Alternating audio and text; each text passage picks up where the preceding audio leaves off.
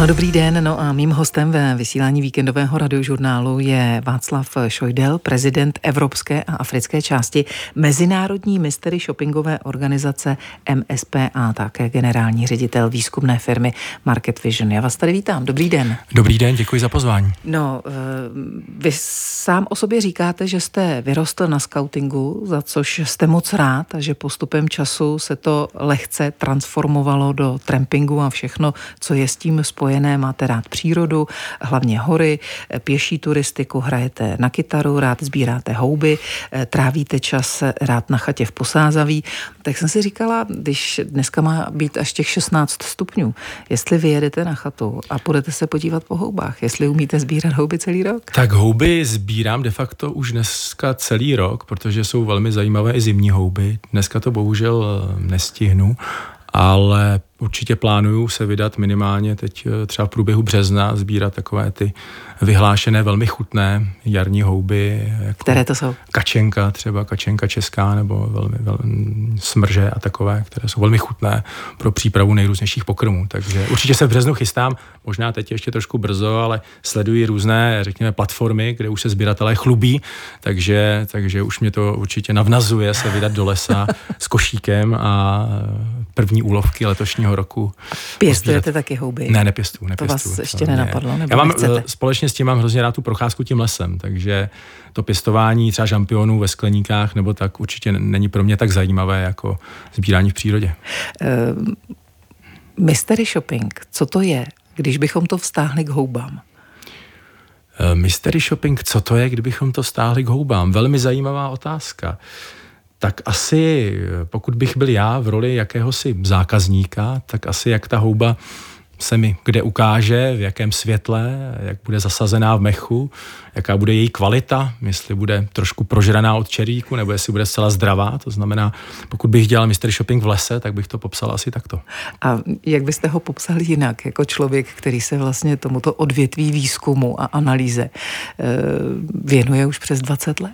Mystery shopping je vlastně nástroj, je to nástroj výzkumu trhu, a asi taková jakoby nejlepší definice, na kterou jsem za těch 17 let, co vlastně v tomto sektoru působím, je to, že společnost si vydefinuje nějakou vytouženou podobu zákaznické obsluhy a potom nějak reálně ta zákaznická obsluha eh, na těch prodejnách, eh, ve službách, kdekoliv vypadá.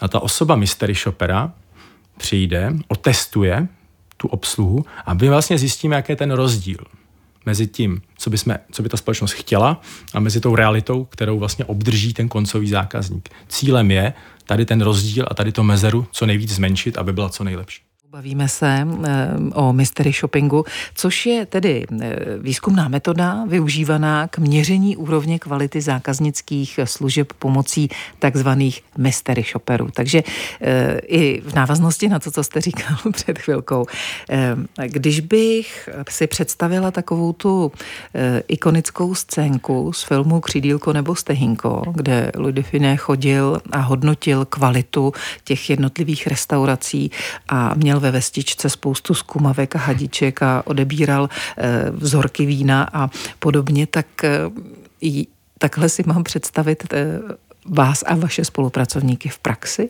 Velmi dobrá otázka, krásný, krásný snímek. Takhle, s těmi máte, nás, s tě, máte rád jeho komedie? Mám velmi rád jeho, jeho, jeho komedie. Takhle úplně s těmi nástroji ne, to bych řekl, že je spíš práce třeba České obchodní inspekce. My pokud něco podobného v tom gastro, řekněme, průmyslu děláme, tak třeba občas eh, spíše v nějakých třeba eh, řetězcích s rychlým občerstvením počítáme počet kusů jednotlivých ingrediencí, nebo třeba eh, danou položku zvážíme, jestli váží tolik, kolik má, ale nikoli. Takže zvážíte hranolky, nepočítáte kusy. Třeba, třeba spočítáte, já nevím, plátky, okurky a tak dále, jestli je to zkrátka vše podle předpisu, ale tak to dohloubky, jako to dělal Louis Define v tom filmu, to určitě, určitě neděláme. Ale pro představu ty scénky... Ale ochutnáváte taky. Samozřejmě ochutnáváme. Ale pro představu ta osoba mystery shopera, která tam byla popsaná, v tomto případě to nazýváme spíš tajným hostem, tak zkrátka to velmi přesně s určitou nadsázkou uh, popisuje tu práci toho mystery shopera. A doplním, že mystery shopping obecně v gastronomii je do dneška velmi populární, protože ten uh, tajný host vlastně přichází, sleduje kvalitu pokrmu, obsluhu, čistotu, dodržování hygienických standardů a většinou uh, ten pokrm má vlastně proplacen a ještě k tomu dostává nějakou speciální odměnu. To znamená, vlastně, když to řeknu uh, tam a zpět, tak ta osoba tajného hosta Eh, se jde velmi chutně většinou eh, najíst a potom eh, vyplní od té návštěvě záznam a vlastně dostává toto jako benefit k té své tajné návštěvě. Jsou podniky, které chtějí, aby tam tyhle tajné kontroly u nich probíhaly. Určitě, určitě. Že si určitě. tím jako hodnotí vlastně Přesně tak, svůj tak, personál. Ano, chtějí, tak samozřejmě třeba uh, nevždy mohou být manažeři nebo majitelé těch uh, restaurací přímo na místě, to znamená, chtějí vidět, co se děje v jejich provozech, i když tam nejsou. Takže ta zpětná vazba pro ně je naprosto klíčová a potom na základě toho můžou třeba dál doškolit uh, ten svůj personál, aby se choval tak, jak oni si představují, aby se ta kvalita služeb a ty zákaznické zážitky i nadále zlepšovaly. A nebo také někoho propustit. Uh, propouštění to je věc, která se často spojuje s mystery shoppingem. Uh, já jsem zastáncem pozitivní motivace v rámci mystery shoppingu. To je to, co nám funguje. Pokud je ten mystery shopping v různých sítích, řekněme, postaven negativně s nějakými možnými restrikcemi, pak to příliš dobře, dobře nefunguje. Mystery shopping by nikdy neměl být jediným důvodem, proč daného zaměstnance propouštět tak to je to i e, v určitých etických a profesních standardech popsáno. Takže určitě za mě e, by to tak být nemělo. Dívala jsem se, že ten film Křidílko nebo Stehinko je komedií z roku 1976. E, tehdy předpokládám už asi Mystery Shopping v nějaké formě fungoval. Tak kam až sahají vlastně tak, jeho začátky? Uh, odpovím nejdřív na to, ano, fungoval. Uh, Počátky mystery shoppingu sahají někam k roku 1940. Je to vlastně metoda, která vznikla ve Spojených státech amerických. Ta původní forma byla trošku jiná. On to byl nástroj, který měl vlastně eliminovat krádeže. To znamená, mnohdy se třeba najímaly osoby, které eh, se fiktivně, eh, řekněme, včlenovaly do různých firm, zejména v oblasti financí, bank, aby tam nedocházelo k nějakým krádežím a tak dál. Ale postupně tam byla jakási evoluce a zrovna kolem toho mezi těma 70. a 80. Rok, letma vlastně mystery shopping zažíval obrovský boom a to jak ve Spojených státech, tak bych řekl, že tehdy v té západní části, zejména Evropy, u nás to přišlo s určitým spožděním, eh, řekněme začátkem těch 90. let. Eh, v Americe se to používá stále? Jako je, to, je to silný prvek? Eh, v Americe se to používá stále, ale došlo tam k určité evoluci. Došlo tam k tomu, že zkrátka tady třeba v Evropě, na tom evropském trhu, ty služby mystery shoppingu spíš nabízejí specializované agentury, výzkumné agentury. V Americe my to nazýváme někdy jako takzvanou komoditizaci, že to tam vlastně nabízí i individuální osoby jakoby těm společnostem. Nabízejí se, já někde nakoupím a e, vyplním vám za to vlastně jako spokojenostní dotazník. Takže ten trh je takový trošku, řekněme, jinak stavěný než aktuálně v Evropě. Takže mystery shopper tam může být něco jako herec. No, přesně tak. Eh, my se často setkáváme s tím pojmem zákaznický zážitek. Tak by mě zajímalo, co to vlastně je za tu dobu existence dlouhodobé eh, u mm, mystery shoppingu jako takové, protože eh, já si vždycky říkám, že když mě někdo, nebo může to být kdokoliv, eh, osloví, jestli mi může v tom obchodě s něčím pomoct, že mnozí to mohou brát jako, že nenechají toho člověka po té prodejně se ani pořádně rozhlédnout, eh, vybrat si, že mu jako něco nutí, podsouvají, že vlastně eh, jim jde o to prodat a ne prvotně o to postarat se o toho zákazníka, aby mu tam bylo hezky, aby z toho měl právě ten dobrý zážitek. Takhle, eh, zákaznický zážitek, když to vlastně popíšeme tak nějak, jakoby, eh, pokud možno nejpřesněji, tak je to emoce nebo pocit, kterou ve vás v té roli zákazníka vyvolá nákup služeb nebo jakéhokoliv produktu. To samozřejmě ten zákaznický zážitek může být pozitivní, ne, naprosto neutrální, anebo negativní. Tady v tom hrajou obrovskou roli kulturní rozdíly. Hmm.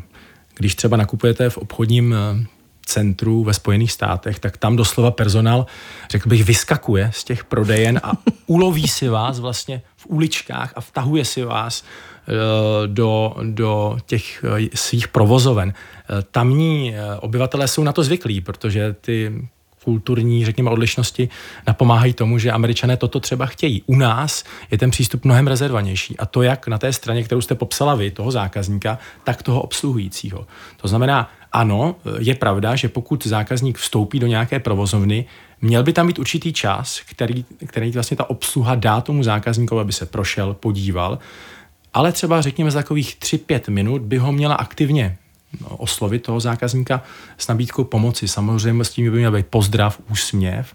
A zkrátka, aby toho zákazníka tam nenechali chodit 10-15 minut, protože potom se může taky stát, že zákazník si v určitý, řekněme, v takzvaný moment pravdy řekne, tak tady u mě nikdo nestojí já odcházím pryč. A co to znamená? Ztráta potenciálních tržeb pro tu danou společnost a vlastně v tu chvíli ten personál uh, v té obchodní interakci uh, neobstál. Eh, ještě mě napadlo v téhle souvislosti, jestli je rozdíl jako mezi klasickým zákazníkem, který prostě chce něco koupit, a potom mezi člověkem, který chce opravdu ten zážitek. A napadlo mě takové přirovnání vlastně, jaký je rozdíl mezi tím e, fanoušek a zákazník.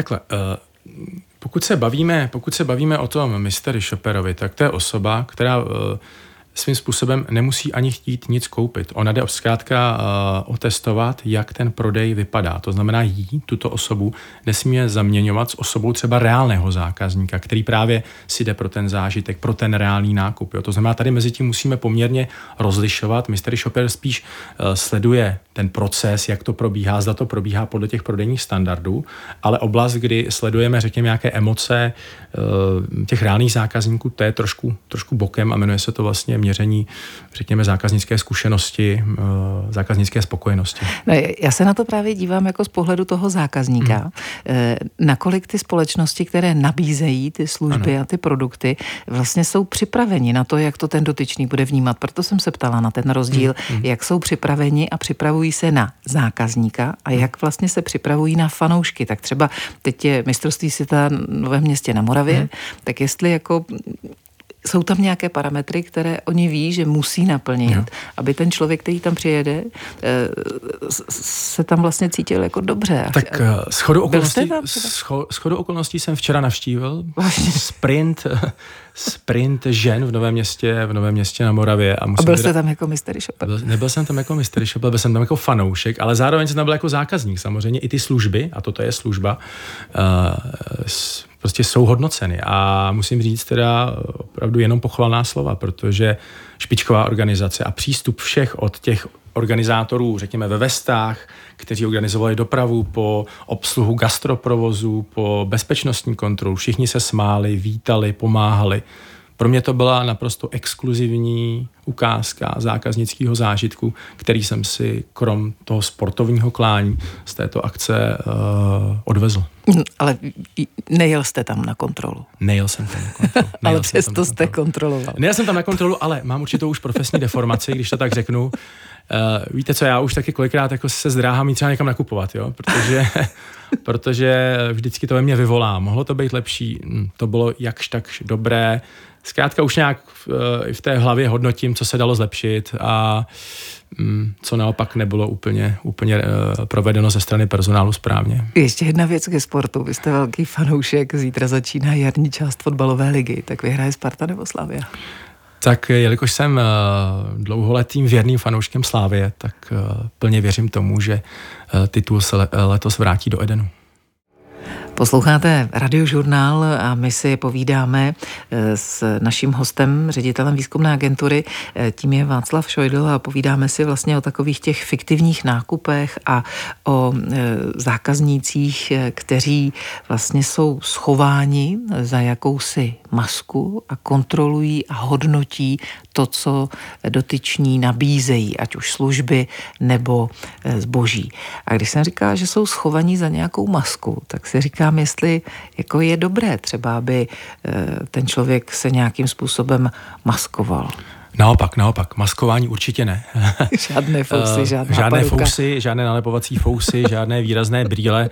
To si myslím, že by eh, při dnešní znalosti už této metody byl pro personál jednoznačný pokyn, tak pozor, tady, eh, tady přišel někdo nestandardní. Naopak eh, osoba mystery shoppera musí být naprosto přirozená. Tomu, ona musí vlastně vypadat ta osoba jako naprosto běžný, běžný zákazník. A, a co ho může prozradit? A to, říkám, a to je právě cílem nás, s našimi klienty, kteří si vlastně na svůj personál tyto uh, zákazníky objednávají, abychom vydefinovali ten ideální scénář. Aby tam nešel zákazník, který uh, se ptá na věci, na které se nikdo neptá. Jo, nebo třeba řeknu takovou vtipnou historku. Představte si, že přijede na menší město, kde je jedna pobočka banky, všichni se všude znají a teď tam přijede nějaké, řekněme, fáro s pražskou značkou, zaparkuje před tou pobočkou a zákazník tam vejde a začne poptávat nějaký naprosto nestandardní produkt, třeba jako nějaké doplňkové penzijní spoření, tak to je prostě hotovo. To je, ten zákazník je prozrazen okamžitě. Jo? To znamená, musí tam přicházet se přirozeným scénářem,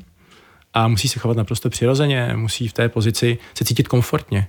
Jo, pokud by šel tento fiktivní zákazník a byl by od začátku z něj cítit jak, jakýsi ostych, strach, nebo se ptá na příliš mnoho otázek a jo, to, s tím se často setkáme třeba v hotelích. Jo. Oni ty fiktivní návštěvníci hotelu chtějí využít úplně všechno. No tak to je potom jasný. Samozřejmě pokud ten zákazník za hodinu v hotelu si objedná takzvaný room service a potom hned chce jít do sauny a no tak takový zákazník eh, už od začátku eh, může jako vypadat velmi podezřele a je prozrazen. To znamená, mhm. klíčem je vydefinovat ideální scénář s klientem, aby ta osoba fiktivního zákazníka se co nejvíce podobala reálnému zákazníkovi dané společnosti. A která odvětví o eh, Mystery Shopping eh, mají největší zájem? A teď se ptám obecně. Jako obecně. Celosvětově nebo Celosvětově. Po, Pokud bychom to asi vzali v objemech, tak se budeme bavit o tom, že nejvíce to dělá v takovém tom klasickém malobchodním prodeji. Obuv, oděvy, potraviny, hobby markety, lékárny. Eh, velký zájem je určitě v, z oblasti těch mezinárodních korporací, už to banky, pojišťovny, mobilní operátoři nebo prodejci, prodejci aut. Dříve to byla doména spíš těch větších nadnárodních společností, dneska už tyto služby poptávají i menší, středně velké lokální společnosti, které tuto, vlastně, tuto metodu zahrnuly do naprosto běžného fungování svých společností. Řekněte mi, jak se hodnotí lékárny? Lékárna se hodnotí mm, poměrně, jakoby řekl bych, jednoduše. Uh, většinou uh, se sleduje třeba při výdeji přípravků na předpis, jestli jsou k tomu dodány ty povinné informace, třeba ohledně dávkování a tak dál, a nebo třeba jestli nějakým způsobem jsou zmíněny možné nějaké nežádoucí účinky mm, léčiva a tak dál. Takže, Co se hodnotí nejhůř? Co se hodnotí nejhůř? Řekl bych, že velmi složité jsou třeba projekty v oblasti pojišťovnictví, bankovnictví, kdy třeba zákazník jde žádat o půjčku nebo řeší nějaký složitý pojišťovací produkt. Tam opravdu ta znalost na straně toho fiktivního zákazníka musí být poměrně vysoká. Vy vlastně v uvozovkách velíte šesti tisícům takových tajných agentů, eh, kteří právě zjišťují jednak tu kvalitu služeb, servisu, eh, postupu toho, jak se to v té dotyčné a dané firmě dělá a mělo by dělat.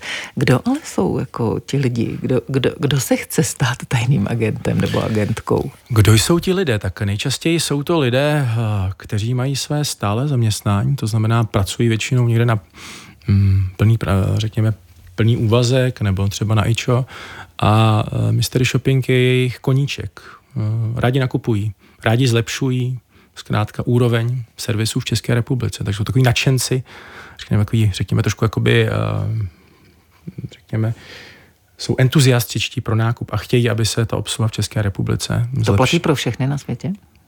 Řekl bych, že ta hlavní typologie je taková, že to musí bavit. A zároveň jsou to lidé, kteří si chtějí přivydělat peníze. To znamená, i ta finanční stránka je v tomto velmi důležitá. Třeba v naší databázi máme těch uh, osob kolem, jak jste říkal, 6 tisíc. Jsou to lidé, řekněme, od 18 až uh, po osoby v důchodovém věku a uh, pro určité typy projektů zkrátka vybíráme různé typy osob. Aha. Jak vy jste začínal? Já jsem začínal no, už před těma 17-20 lety pomalu jako analytik trhu v oblasti telekomunikací, Aha. kde jsme vlastně používali tajné nákupy jako jednu z metod pro cen, celkem komplexní analýzy telekomunikačního trhu v České republice. A jaká je vlastně teď etika mystery shoppingu? Etika mystery shoppingu, tady bych se vrátil k té asociaci, které aktuálně předsedám. Vlastně tato asociace má takzvaný etický kodex a členové této asociace, to má členské agentury, eh, tento kodex podepisují a musí ho dodržovat. A tam je řada podmínek, které je potřeba splnit. Například, že v žádném případě nesmí docházet třeba k falzifikaci těch reportů z těch fiktivních nákupů, k desinterpretaci. Musí se poměrně velmi striktně dodržovat pravidla ochrany osobních údajů, důvěrnosti informací a neměl by se ani narušovat tím mystery shoppingem nějaký takový přirozený eh, řekněme, provoz té dané pobočky, kterou testujeme. Vy už jste řekl, že vlastně eh, výsledky toho šetření, toho dotyčného tajného agenta by nikdy neměly eh, posloužit jako eh, primárně zdroj, na základě kterého by ten dotyčný byl třeba propuštěn nebo by byl nějakým způsobem sankcionován, postižen. Ale co když ten, dejme tomu prodávající, přijde o práci a hájí se tím, že si na něj třeba vedoucí té prodejny zasedl a použil právě proti němu ty výsledky hmm.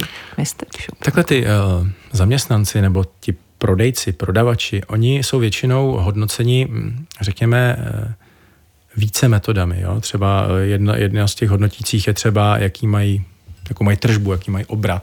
A mystery shopping bývá jednou z těch součástí. To znamená, většinou se to hodnotí ten zaměstnanec na základě mnoha různých ukazatelů nebo veličin pokud k tomu něčemu takovému dojde, tak z mého pohledu to je špatně. Nemělo by to tak být naopak. Pokud tam je horší výkonnost eh, prodejce, zaměstnance, ten jeho nadřízený by k němu měl přijít a třeba mu poskytnout nějaký individuální školící nebo coachingový program, aby příště eh, ten jeho výsledek byl lepší. To znamená opět přetočit to do té pozitivní motivace a tam potom eh, ty efekty této metody opravdu fungují. Řekněte mi, teď je vlastně ekonomika v recesi. Tak eh, co vlastně v téhle době může ukázat mystery shopping? K čemu může být dobrý? Tak eh, většinou, když je ekonomika v recesi, tak společnosti třeba prodávají méně, snižují se jim tržby, marže, profity. To znamená, ten mystery shopping může sloužit jako takový, řekněme, motivující nástroj, kdy eh, některé verze toho mystery shoppingu jsou hodně zaměřené na to, aby personál více prodával. To znamená, aby třeba navyšoval hodnotu toho zákazníka. To znamená, když si jde zákazník třeba koupit lyže, aby mu k tomu uh, na, nabídl personál třeba i helmu nebo hůlky. Jo. To znamená, máme i programy, které jsou, řekněme, takové, já bych to nazval možná trošku teď ekonomicky anticyklické, které mají stimulovat ten personál v prodejnách prodávat více. No a právě jak to je, co vlastně se ukazuje, eh, když se podíváme na ten vztah mezi hospodářským cyklem a využíváním těch nejrůznějších metod. Jednou z nich teda je, dejme tomu, ten mystery shopping, nebo za, zaměření se na ty, na ty zákaznické zkušenosti. V různých, eh, řekněme, fázích hospodářského cyklu, ať už je to recese, růst, pokles, se tady ty metody používají trošku jinak. A to se týká třeba i eh, některých jiných makroekonomických veličin, jako je třeba nezaměstnanost. Pokud máte obrovskou nezaměstnanost, nezaměstnanost vysokou, tak zkrátka není taková fluktuace toho personálu. A vy můžete tím mystery shoppingem se snažit ty znalosti nebo ty dovednosti toho personálu dál a dál navyšovat. Naopak, když je třeba nezaměstnanost velmi nízká, může docházet k poměrně velké fluktuaci a ten mystery shopping je spíš používán více motivačně, rozvojově. Jo? To znamená, v různých fázích ekonomiky se ty naše metody používají různě a třeba toto reflektovat. Je mystery shop mystery shopping, je to věda? Věda to není z mého pohledu. Mystery shopping nám spadá do takové větší kategorie průzkumu, průzkumu trhu. Uh, mystery shopping je nástroj. Je to mhm. prostě nástroj, je to výzkumná metoda. Eh, je toho hodně, co se dá kontrolovat, ale je něco, co se kontrolovat prostě nedá? Pach, záludná otázka, eh, tak samozřejmě také z mých zkušeností eh, těch různých variant mystery shoppingu je tolik. Eh, mystery calling, volání, e-mailing, eh, Dneska se třeba kontrolují i chatboti, taková umělá inteligence, takže myslím si, že postupem času si vždycky najdeme cestu k tomu, jak zkontrolovat téměř cokoliv. I na palubě letadla. I na palubě letadla. Co tam se kontroluje? Tak na palubě letadla velmi zábavný projekt, nazvaný Mystery Flying v tomto případě od nákupu letenky až do převzetí zavazadla. To znamená celá cesta letadlem, hlášení pilota, roznos eh, občerstvení, eh, úklid, čistota eh, toalet. na palubě letadel, takže třeba nějaké krizové situace, pokud nastanou, tak se dají popsat, takže to je takový zábavný projekt a byl velmi populární samozřejmě mezi našimi spolupracovníky, protože zaletět si po světě a vlastně otestovat kvalitu obsluhy na, na palubě letadel bylo něco speciálního. No vy jako prezident eh, společnosti máte vlastně na starosti eh, krom Evropy i Afriku, takže musíte mít velký přehled o tom, jaké jsou kulturní rozdíly. Eh, já si dovedu představit rozdíl tedy mezi tomu, dejme tomu mezi Indií a Evropou, ale hm, i v rámci Evropy jako bychom vlastně mohli najít takové ty lokální odlišnosti. Určitě velké, velké odlišnosti zaznamenáváme. Třeba bych řekl, že Velká Británie je poněkud dál v pracování s těmi modernějšími technologiemi nebo s umělou inteligencí, samoobslužné, samoobslužné uh, vlastně verze prodeje. Zase třeba uh, Jižní Evropa je hodně emočně laděná, když přijedete do Španělska, do Francie, do Portugalska, ten prodej je tam opravdu hodně pořád dělaný osobně na ulici eh, se spoustou úsměvů, vtípků. Známe to v Itálii, je to prostě o vztazích, takže eh, liší se to velmi i v Evropě. My jsme taková ta kontinentální, řekl bych spíš germánská část, tady je ten eh, prodej spíš takový rezervovanější, to znamená spíše pragmatický, ale to neznamená, že tam by neměly být zahrnuty takové ty naprosto zásadní, zásadní prvky, mm, jako je úsměv, milé přivítání a tak dále. Úsměvem končíme to naše dnešní povídání na radiožurnálu. Děkuji moc. Prezident Evropské a africké části Mezinárodní mystery shoppingové organizace MSPA eh, byl naším hostem Václav Šojdel. Děkuji moc za pozvání a přeji hezký den. Šťastnou cestu na povltavskou stezku. Já, děkuji.